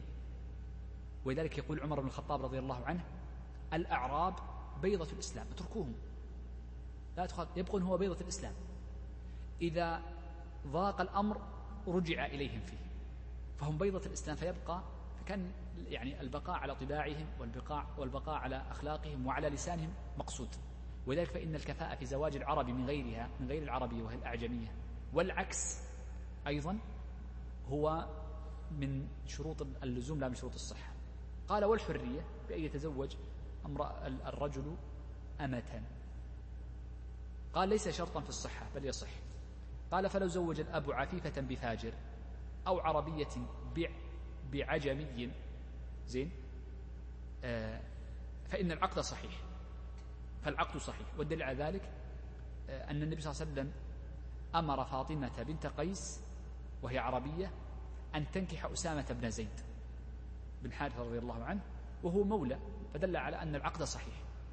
أن العقد صحيح. فهو ليس شرط صحة لكنه عقد لزوم. ولذلك قال فلمن لم يرضى من المرأة أو الأولياء الفسخ. إذا تم العقد وفقدت الكفاءة في الدين أو في المنصب يجوز لمن عليه المذمة أن يفسخ عقد النكاح. ومن عليه المذمة؟ قالوا الذي عليه المذمة المرأة نفسها وجميع أوليائها. كل من له حق الولاية عليها وهم العصبات. كل من كان من العصبات له الحق أن يرفع للقاضي في إثبات عدم الكفاءة ثم بعد ذلك يفسخ عقد النكاح. قالوا لأنه يأتي فيه تعيير لأوليائها فيه تعيير. ولذلك يقولون إن العار على الجميع فيثبت لجميع الأولياء. عندنا هنا مسألتان أختم بهما. المسألة الأولى أنهم يقولون إن خيار الفسخ على التراخي وليس على الفورية. هذا المسألة الأولى. المسألة الثانية ذلك يقول ولو كان حدثا في وقت التزويج ثم بلغ بعد ذلك. المسألة الثانية عندنا نقول إن من كان كفءا في وقت التزويج ثم بعد العقد فقد الكفاءة فقد الدين وقع في الحرام. ففقد الكفاءة بعد النكاح. هل يجيز فسخ العقد؟ نقول نعم. يجيز فسخ العقد لكن للزوجة فقط دون باقي الأولياء. إذا فقدت الكفاءة بعد العقد فيجوز فسخ النكاح. لفقد الكفاءة فيكون من باب العيوب في النكاح لكن هذا خاص بالزوجة دون باقي الأولياء. يقول المصنف رحمه الله تعالى باب المحرمات في النكاح. بدأ الشيخ رحمه الله تعالى بذكر المحرمات في النكاح. لعل نبدأ بس في مقدمة بذكر يعني أن أذنتم لي إن شاء الله في عشر دقائق ثم سأقف. أخذت من وقتكم كثيرا. آه، في ذكر المحرمات في النكاح. آه، الله عز وجل بين النساء اللائتي يحرم نكاحهن. ثم بين أنه أحل ما وراء ذلك من النكاح. فالأصل أنه يزوج يجوز تزويج الزواج بكل النساء إلا من حرمنا والمحرمات في النكاح نوعان. محرمات على الأبد وهو ما سنتكلم عنه اليوم الآن إن شاء الله على سبيل الاختصار. والنوع الثاني محرمات إلى أمد يعني مؤقتا وهو, ما سنتكلم عنه بمشيئة الله عز وجل في الدرس القادم وهو الفصل الذي يليه. المحرمات إلى أبد يعني أنها تحرم عليه إلى أن يعني تحرم عليه مطلقا سواء وجد السبب أو انتفى يعني أي شرط من طبعا لا يوجد هو السبب مستمر. هذا المحرم إلى الأبد قد يكون التحريم بسبب النسب وقد يكون التحريم لأجل السبب. النسب مثل ما سيمر بعد قليل. والسبب إما لأجل الرضاعة أو لأجل اللعان أو لغير ذلك مما سيمر معنا بمشيئة الله عز وجل في نهاية هذا الدرس. فهناك أسباب تحرم. فالمرء إذا لاعن امرأته تحرم عليه على سبيل الأبد. ليس بينهم نسب ولكن لأجل سبب وهو اللعان بدأ الشيخ بذكر المحرمات على الأبد على سبيل النسب. فقال الأم محرم حرمت عليكم أمهاتكم. وكل جدة وإن علت لأن الجدة في معنى الأم تسمى أما. قال والبنت وبنت الابن وبناتكم. البنت وبنت البنت تسمى بنت لكن انتبه معي هنا. أنهم يقولون المراد بالبنت انتبه لهذه العبارة. المراد بالبنت التي تحرم يحرم الزواج بها البنت ظاهرا. ولو نسبت لغيره. شوف البنت ظاهرا. ولو نسبت لغيره. وبناء على ذلك فإن الرجل إذا لاعن امرأة ونفى بنته منها فإنه لا يجوز له أن يتزوج هذه البنت التي نفاها من نسبه. هذا واحد. الأمر الثاني أن من فجر بامرأة وأنجب منها ولدا أنجب منها بنتا هذه البنت لا تنسب له بحال كما مر معنا ما تنسب له أبدا حتى لو نسبها لنفسه. هل يجوز له أن يتزوج؟ يتزوج هذه المرأة؟ نقول لا ما يجوز. ما يجوز له أن يتزوج هذه المرأة. طيب. إذن المراد بالبنت البنت ظاهرا ولو نسبت لغيره كما ذكر الفقهاء كالمنفية أو من كانت موطن حرام كالزنا وغيره.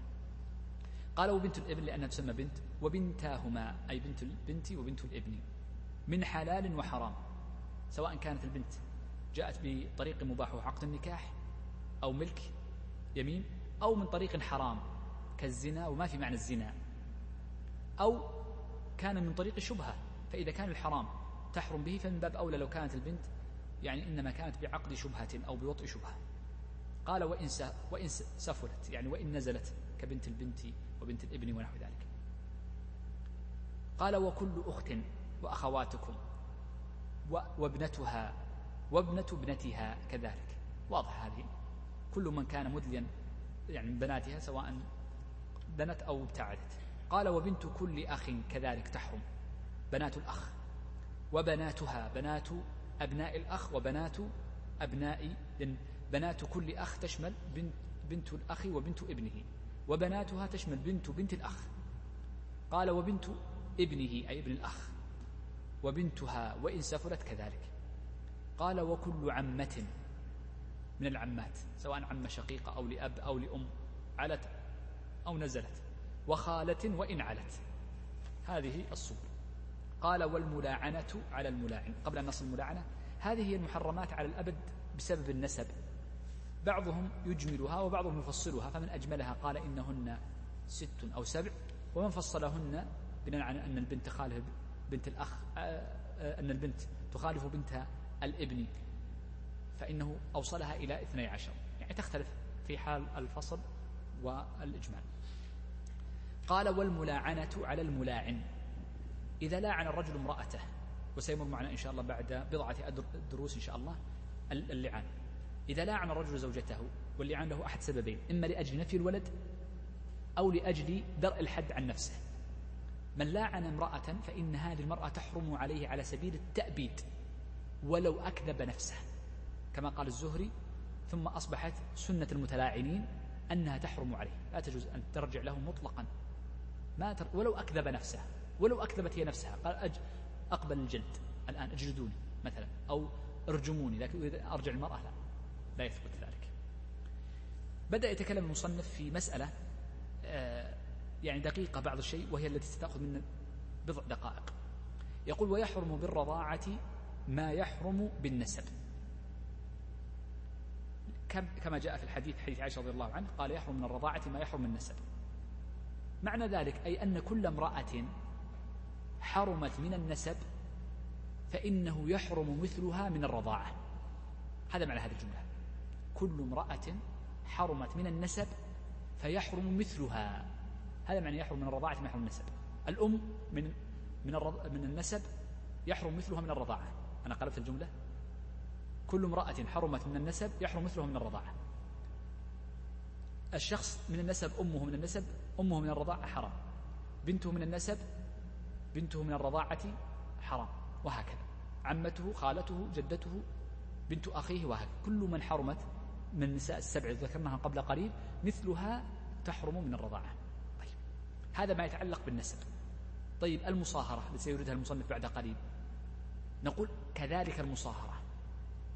يحرم بالمصاهرة ما يحرم بالنسب. ما الدليل؟ نقول لأن النبي صلى الله عليه وسلم قال يحرم من الرضاعة ما يحرم بالنسب. وما حرم والمصاهرة إنما حرمت بسبب النسب. ما حرمت المصاهرة إلا بسبب النسب. فتحريم المصاهرة بسبب النسب. فنرجع للجملة الأولى. فدل على أنه يشمل الاثنين معا. واضح هذه المسألة؟ المصاهرة. نقول إن قول النبي صلى الله عليه وسلم يحرم من الرضاعة ما يحرم بالنسب التي عبر بها المصنف ويحرم بالرضاع ما يحرم بالنسب أن هذا يشمل ما كان محرما بالنسب مثله يحرم بالرضاعة.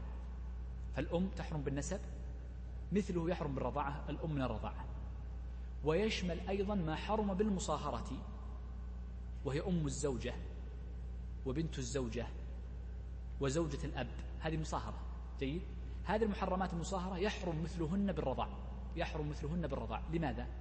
لأن أصلا المصاهرة ما ثبتت إلا بنسب. أم الزوجة أم الزوجة نسب أم هذا نسب فهو نسب لمصاهرة. بنت الزوجة المدخول بها كذلك. بنت هذا نسب نسب ثبت بعد مصاهرة وهكذا. إذن فالمصاهرة ما ثبتت إلا بهذه. طيب. طبعا سيورد المصنف بعد قليل المصاهرة. انظر هذه جملة أنا سأقف عندها ربما أختم بها الدرس.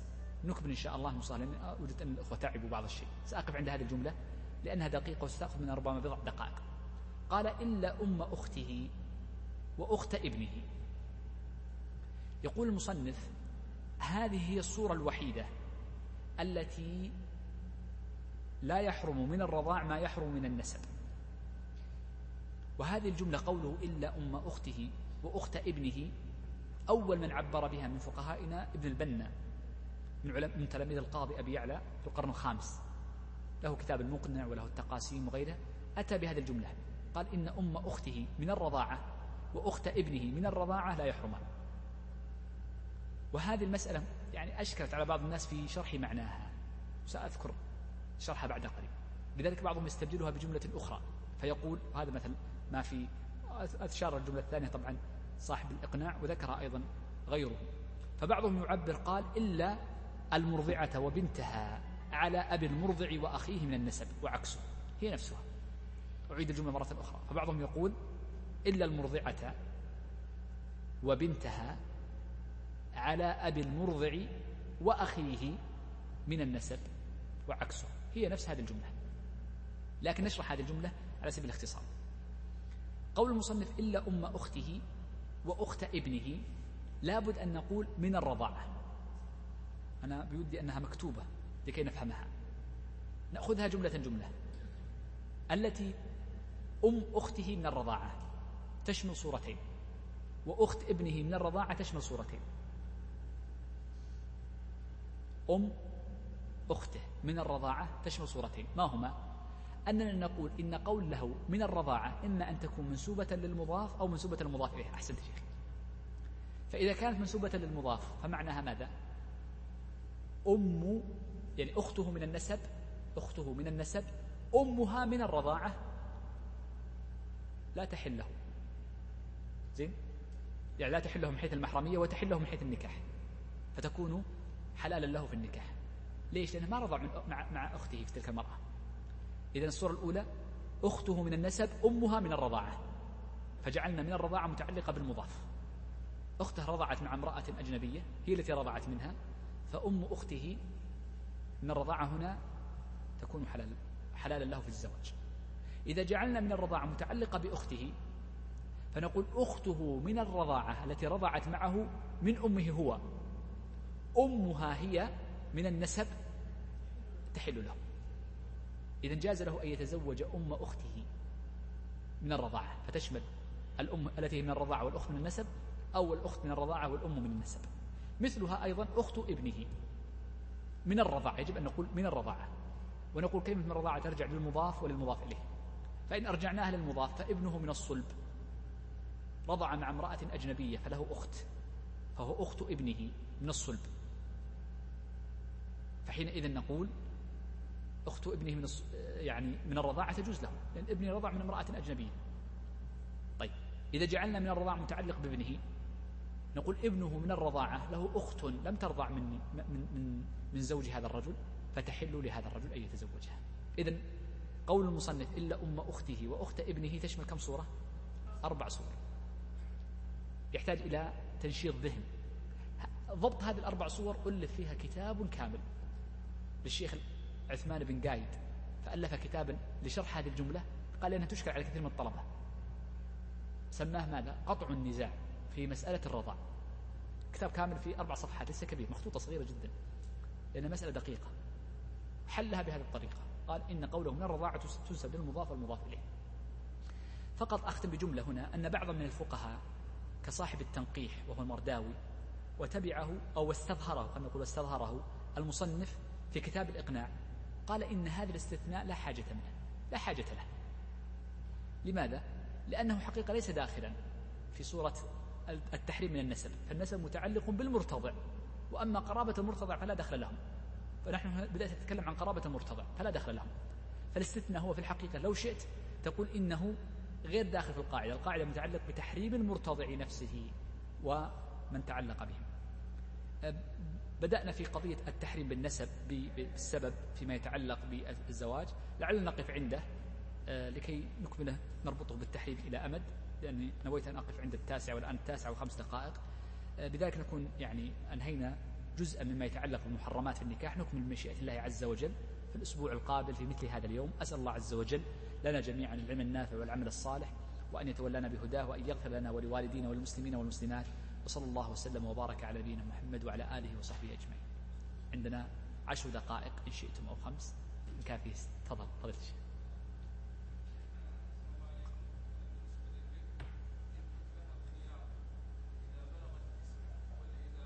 إذا بلغت هم يقولون طبعا لماذا يقولون تسع التسع في باب النكاح يتعلق بها حكمان الحكم الأول يتعلق بها ما ذكرناه قبل قليل في في قضية الاستئذان. الأمر الثاني يتعلق بها التمكين فإن التمكين عندهم متعلق بالتسع. هناك أمر ثالث وهم يقولون أن البلوغ يكون بتسع سنين حيث عائشة فأول سن البلوغ هو التسع. هو أول سن البلوغ. قبل سن تسع لا يمكن أن تبلغ المرأة كما قالت عائشة رضي الله عنها وهذا رأيها وهو المذهب. هذا واحد. الأمر الثاني آه، نقول إن الاختيار من حين البلوغ لأن كمال الاختيار إنما يكون بعد البلوغ. هذا هذا ظاهر كلامهم وتحتاج إلى تأمل. يعني أنا ما أنقل وإنما أنقل ظاهر كلامهم. ويحتاج إلى مراجعة لعلي أتأكد. لأني أنا أنقل ولا أقول لك أخرج. أنا ليس لست من أهل التخريج والفهم عن المذهب. وإنما أنقل كلامهم حذو القدة بالقدة فلعلي أراجع وأرد لك يا شيخ بإذن الله. سمي شيخ عبد الرحمن الإعلان. المذهب يقولون إن الإعلان لا يكفي. لا بد من الشهادة. بعض الناس يقول إن الإعلان هو الشهادة. لا مو صحيح. الإعلان أشمل من الشهادة. ففيه فبينه وبين الشهادة عموم وخصوص. نقول إذا كان الإعلان حاضرا للعقد إذا كان الإعلان حاضرا للعقد فهو شهادة. لأنه لا يشترط آه، تخصيص أحد بعينه في الشهادة. فلو أن امرأ جلس في مجلس فيه مئة شخص وقال للحاضرين زوجت فلانا. وقال للزوج قبلت. إذا حضور هؤلاء هذا يعتبر إشهاد. وإن لم يعني ينص على أنهم قد تحملوا. وهو في نفس الوقت إعلان. لكن الفقهاء الذين تكلموا بالإعلان وهو الشيخ تقي الدين والمالكية يقولون لا يشترط أن يكون الإعلان عند التعاقد. وبناء على ذلك فإنهم يقولون إن المرء إذا إذا عقدوا في غرفة مغلقة ثم خرجوا فقالوا زوجنا فلان خلاص هذا إعلان يتم فلا يلزم عندهم في الإعلان أن يكون مع العقد وإنما يجوز بعده. نص على ذلك الشيخ تقييد ونص عليه المالكية. فيجوز أن يكون بعده. طبعا هذا واحد. الأمر الثاني أن الإعلان قد يكون باللفظ وقد يكون بغير اللفظ. بغير اللفظ مثل إيش؟ الزينة. الزينة يحطون مثلا زينة الأعراس. قد يكون بالوليمة عند ابن ماجه. أعلنوا النكاح آه، أولموا آه، لا في واضربوا عليه بالدف في واحدة فيها أعلنوا النكاح وأولموا أو حول هذا اللفظ. فنص على أن الوليمة من الإعلان فالزينة والوليمة إعلان الفقهاء عندما اشترطوا الإشهاد قالوا لابد أن يكون على التعاقد لأنه قد يكون لفظ اختلاف التعاقد مشكل.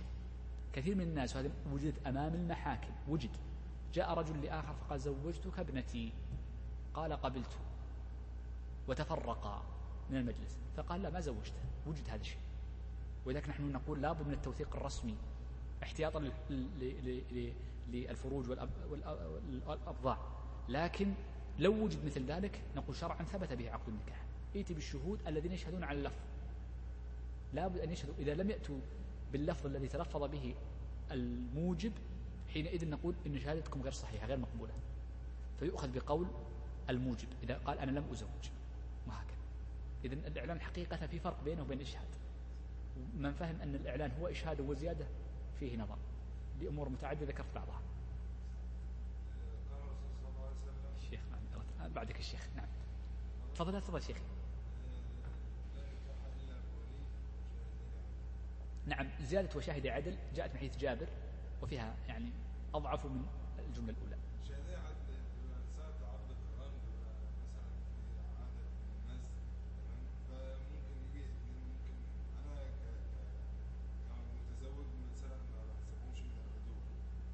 هذا اللي قلت قبل قليل. العدالة نسبية. لو أردنا أن نأتي بالعدالة بمعنى أنهم لابد أن يكونوا مجتنبين لكبائر وسليمين من خوار المروءات 90% من الناس زواجاتهم باطلة. زين؟ نعم. أبدا. عدول؟ خلاص الحمد لله. هو دائما مأذون الأنكح هذا شاهد. المأذون هذا شاهد. المأذون شاهد. حقيقته شاهد. وإن كان هو موثق. والإجراء يقول لا, لا, لا يوقع مع الشاهد لكن هو في حقيقته شاهد فيستدعى. هذا واحد. فالحقيقة أن لذلك نتوسع. ولذلك بعض أهل العلم كثر الشيخ تقي الدين وغيره نقل وانتصر لها بالمفلح في النكت عن المحرر. يقول اشتراط العدالة ليس شرطا. لا في الولي ولا في الشهود. ما يشترط العدالة. وإنما يشترط في الشهود الضبط. يعني يكونون يسمعون ويضبطون ما ينقلونه. فالتوسع في شرط العدالة هو هو هو المهم. يعني التوسع في قبول ليس شرط التضييق فيه لا بد عدل بشروطه القاسية. لا التوسع في قبول المناط. بس اسمح لي شيخنا.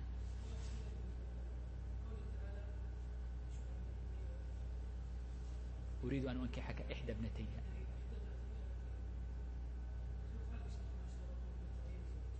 طيب. عندنا أمران. الأمر الأول سلمك الله. أو ثلاثة أمور شئت. الأمر الأول هذا شرع من قبلنا وهو أضعف الأدلة. رده بالكلية لم يمكن توجيهه. عندنا توجيهان. التوجيه الأول أن هذا ليست إنكاحا. هو عرض قبل الزواج. قال أريد أن أنكحك إحدى ابنتي. لما جاء الزواج قال زوجتك فلانا فهو قبل يعني عرض بالتزويج. هذا واحد. الأمر الثاني آه، أنه يحتمل أيضا وهذا أيضا ضعيف التوجيه الثاني أنه يقول إحدى ابنتي وحددها. فليس يعني من باب الإنكار. لكن واضح أن هذا أريد أن أزوجك. وقوله أريد أن أزوجك ما ينعقد به النكاح. لابد يقول زوجتك. ليس عندنا قاعدة أن ما أضيف للمستقبل في النكاح والطلاق لا ينعقد به النكاح ولا الطلاق. سأزوجك ابنتي ما ينعقد النكاح. سأطلقك لا ينعقد الطلاق. فهنا أريد أن أنكحك إضافة المستقبل أصلا ما ينعقد به. فلا بد أن يكون العقد. إضافة أن هذا حكم من قبل أو شرع من قبلنا وشرع من قبل ليس حكم ليش؟ لا شروط المذهب فيها قيود. الشرط الأول لابد أن يكون شرع من قبلنا وأن يكون واردا في شرعنا ولم يأتي في شرعنا ما ينفي عنه وأما شرع من قبلنا الذي لم يرد في شرعنا فالنبي صلى الله عليه وسلم قال لا تصدقوه ولا تكذبوه فليس حجة. مثل ما جاء عن كعب الأحبار ما جاء عن عبد الله بن عمرو بن العاص لابد أن يكون ورد في شرعنا ولم يأتي في شرعنا ما ينفيه. وهذا مآله في الحقيقة للسنة التقريرية بعضهم يقول. ليس دليلا منفصلا وإنما رده للكتاب والسنة. فهو من باب الإقرار على هذا الحكم. فيكون من السنة التقريرية أو الشرع التقريري. فبعضهم لا يراه دليلا منفصلا بقدر ما يراه داخلا في الكتاب والسنة. ولذلك بعض الناس يقول كل الأدلة ترجع إلى الكتاب والسنة. نص عليه أحمد. القياس على أحدهما. الإجماع لا بد أن يكون مستنده إليهما. الأصل دليل البراءة العقلية اللي يسمى الاستصحاب. إنما هو مستمد من الكتاب والسنة. ويحل لكم الطيبات ويحرم عليكم الخبائث. فهكذا. الاستحسان هو تخصيص العلة وهو مستمد تخصيص العلة ومعرفة العلة ومسالك العلة مأخوذ من الكتاب والسنة. فالحقيقة أن كل علمنا من أوله إلى منتهى من هذين الكتابين. لذلك هذا الكتاب لا تنقضي عجائبه ولا يخلق على كثرة الرد. تعجب. الفقهاء حاروا في استنباط من هذا الكتاب. كل من تخصص في, في العلوم العربية أو في العلوم الفقهية أو في علوم البلاغة فإذا غاص في هذا القرآن وقرأه يرى أنه بحر لا أنه بحر لا ساحل له. لا تنقضي عجائبه. أبدا أبدا. ولذلك قد يكون في الاستنباط من القرآن ما لم يأتي به بعض المتقدمين. وهذا موجود. بعض الناس عندهم من دلائل الاستنباط الشيء العجيب. من المتأخرين مثلا عندك مثلا الطوفي له كتاب استنبط من القرآن دلائل أصولية لم يسبق لها. آه الألوسي له استنباطات من القرآن. وإن كانت دلالته إشارية أحيانا فقهية لكنه يعني لم يسبق لها في الاستنباط لكن طبعا بشرطيه تعرف. أن لا يخالف يضرب الكتاب بعضه ببعض لا يخالف النصوصات والمعلوم من الدين في الكتاب والسنة والإجماع. والأمر الثاني أن يوافق اللغة العربية.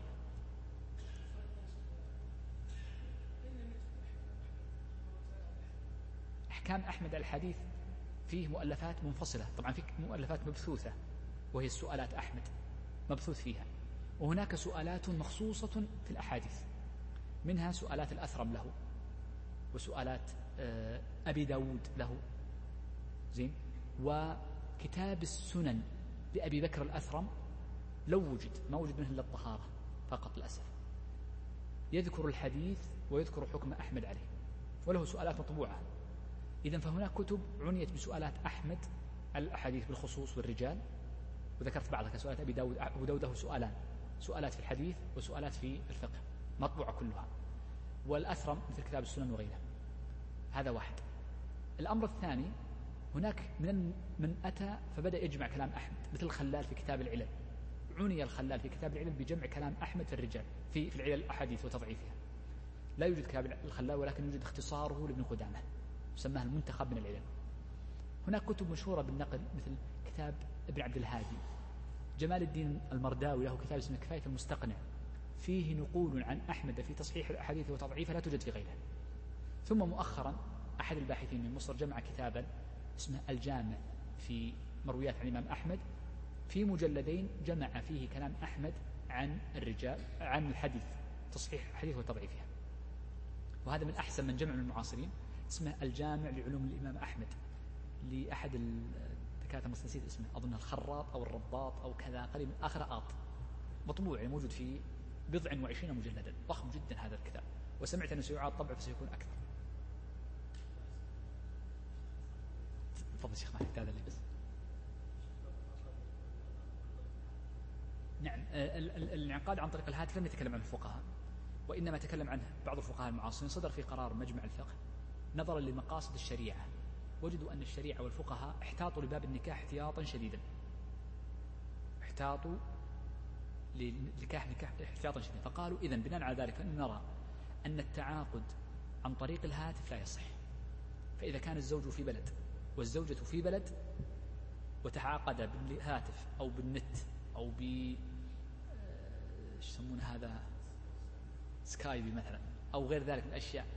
فنقول قرار مجمع الفقه أنه لا لا يصح لسببين. السبب الأول نظرا لمقاصد الشريعة الجزئية لباب النكاح. هذا واحد. يعني عندنا مقاصد كلية ومقاصد جزئية هذا نظر مقاصد جزئية وهو دقيق جدا في الفقه. الأمر الثاني أن الفقهاء تكلموا أن الرجل إذا أنكح رجل وبينهما جدار هل ينعقد أم لا؟ فنصوا على أنه لا ينعقد. قالوا هذا شبيهه بينهم جدار. ما يشوف ما يدري يمكن أخطأ. لكن لو كان المأذون في بلد والرجل والمرأة في في مجلس عفوا ولي المرأة والزوج في في مجلس واحد يصح. لأن المأذون موثق ليس مهم. تسمح لي بس عشان إخوان؟ نعم.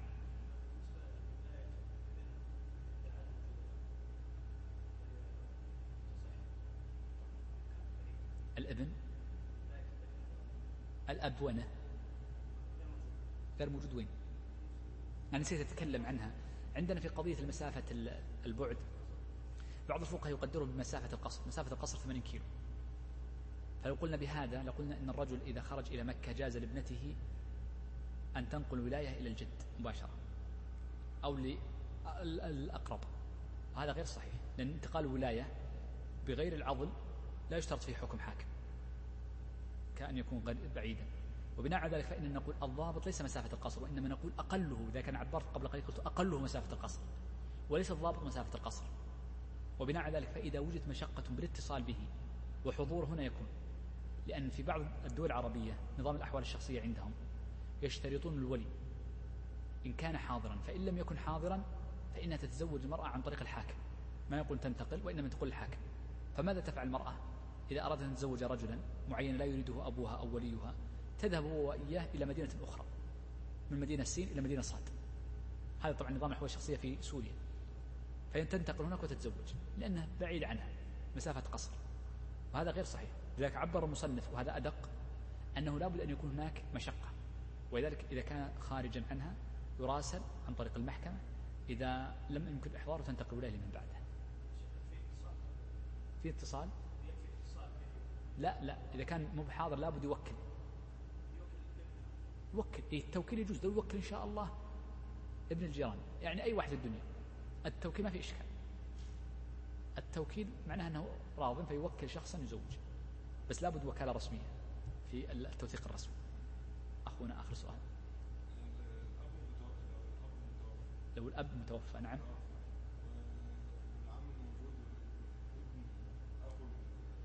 أخو المرأة.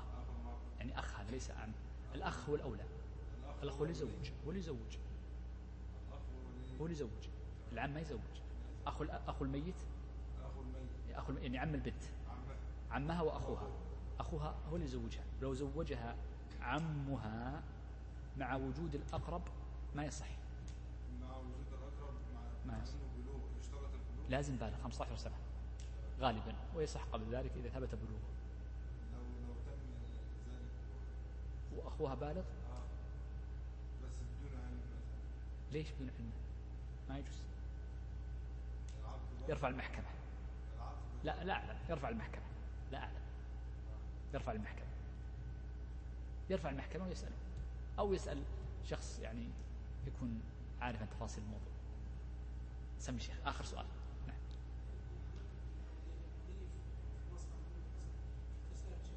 في الولي طيب نعم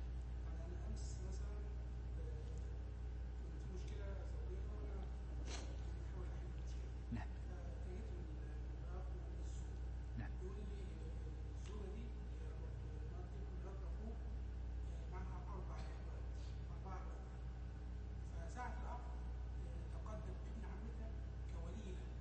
ابن عمتها بإجماع ليس ولي. ما ابن هذا من من أرحام ليس عصبة. آه.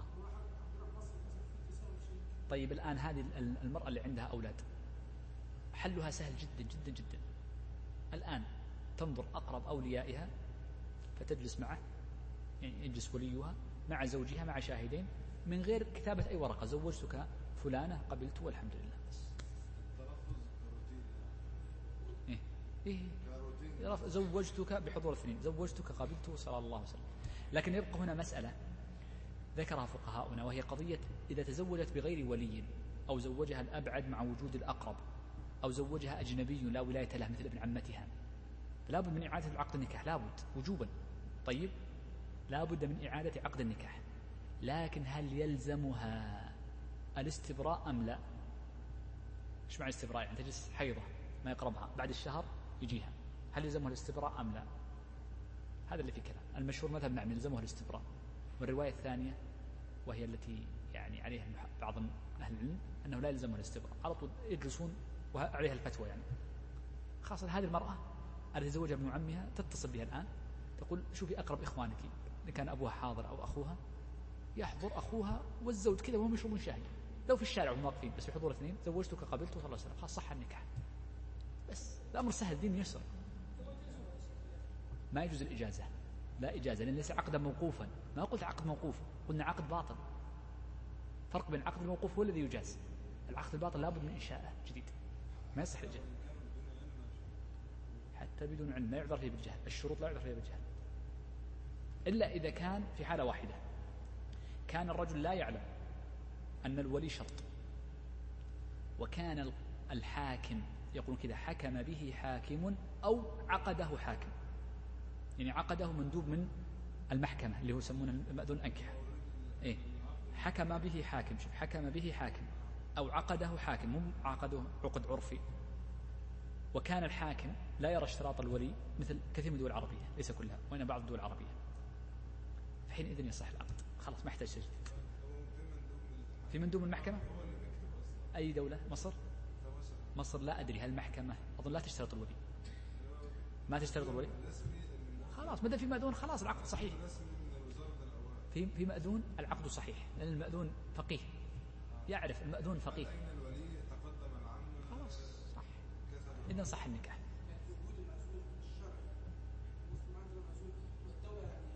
بشرط. المأذون الشرعي عندكم لا يشترط الولي ولا يشترط ما أدري. يشترط ولا ما يشترط الولي؟ أنا لا أعلم. ما يشترط بشرط واحد أن يكون الزوج والزوجة لا يعلمان اشتراط الولي في النكاح أو يتدينان الله عز وجل اللي مذهب أبي حنيفة. نعم سيمر معنا. طبعا ليس هنا في درس آخر. أن أبا حنيفة ينص على خلاف ذلك وإنما هو قول لبعض الحنفية. أما أبو حنيفة محمد بن الحسن ورد عليه المحقق أنه يشترط الولي في قيود معينة طبعا أسهل من غيره. يتدين الله عز وجل بعدم اشتراط الولي إذا إذا كان لا يعلم أو يتدين فالعقد صحيح. لكن أنا عالم أنه لا نكاح إلا بولي وعقدت نكاحا بلا ولي ما يصح. إذا يصح مثلا بشرطين. الشرط الأول أن يكون جاهلا أو يعتقد عدم اشتراط الولي. الشرط الثاني أن يعقده حاكم أو يحكم به حاكم. يعني يرفع المحكمة. هذا عقده حاكم. خلاص. إذا أنا ما كنت عارف العقد صحيح. إن حكم به حاكم لا يشترط أنا ما أدري شو وضع مصر لا أعلم. لم أذهب في حياتي مصر. لم أذهب إلى حياتي إلى مصر ولا إلى مصر. ليش؟ لأن لو كانت نكرة قلت مصر يعني بلدة من البلدات. إذا قلت إلى مصر يعني أي مصر من أمصار الدنيا. وإذا قلت لم أذهب إلى مصر يعني البلدة المعروفة. لأن النكرة الممنوع من الصرف. إذا نك إذا إذا إذا إذا نكر آه، نون إن هي إلا أسماء سميتموها. يعني كل أسماء الدنيا لا قيمة لها. وصلى الله وسلم وبارك على نبينا